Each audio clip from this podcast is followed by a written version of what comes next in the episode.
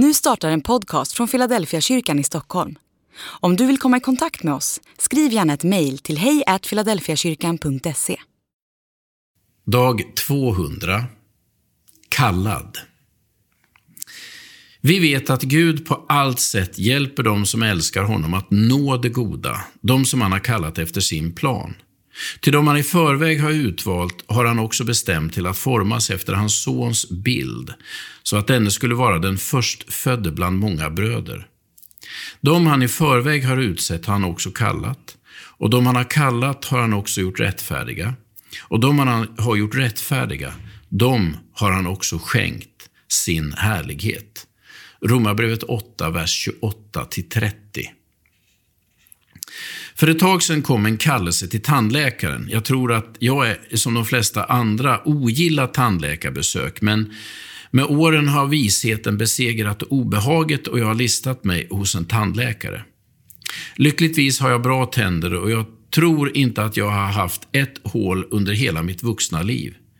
Som grundskoleelev utsattes jag för samma klåfingriga borrande i minsta lilla skåra i emaljen som alla andra i min ålder. Det var egentligen aldrig hål i tänderna, men man borrade i förebyggande syfte. Därför har även jag några lagningar, men det är inte många. Lyckligtvis tänker jag sällan på mina tänder och jag har aldrig haft tandvärk.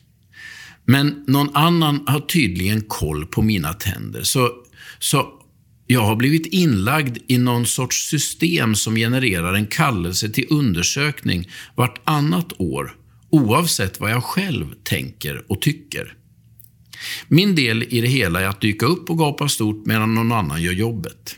Vill det sig illa, har jag förstått, kan jag få betala en hel del pengar, men den delen glömmer vi i den här andakten.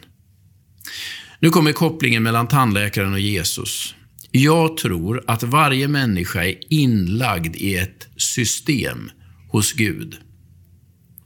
I rätt tid får alla människor en kallelse från Gud själv att bli en del av hans rike.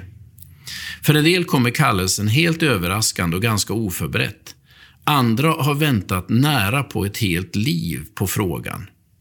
Min poäng är att ingen behöver lista sig hos Gud. Vi är inlagda i hans kallelseregister från och med vår födelse. Och Gud glömmer ingen. Följ med och se vad kallelsen som de första lärjungarna fick. Och jag tror att det är samma kallelse som på ett eller annat sätt dyker upp i rätt tid i alla människors liv.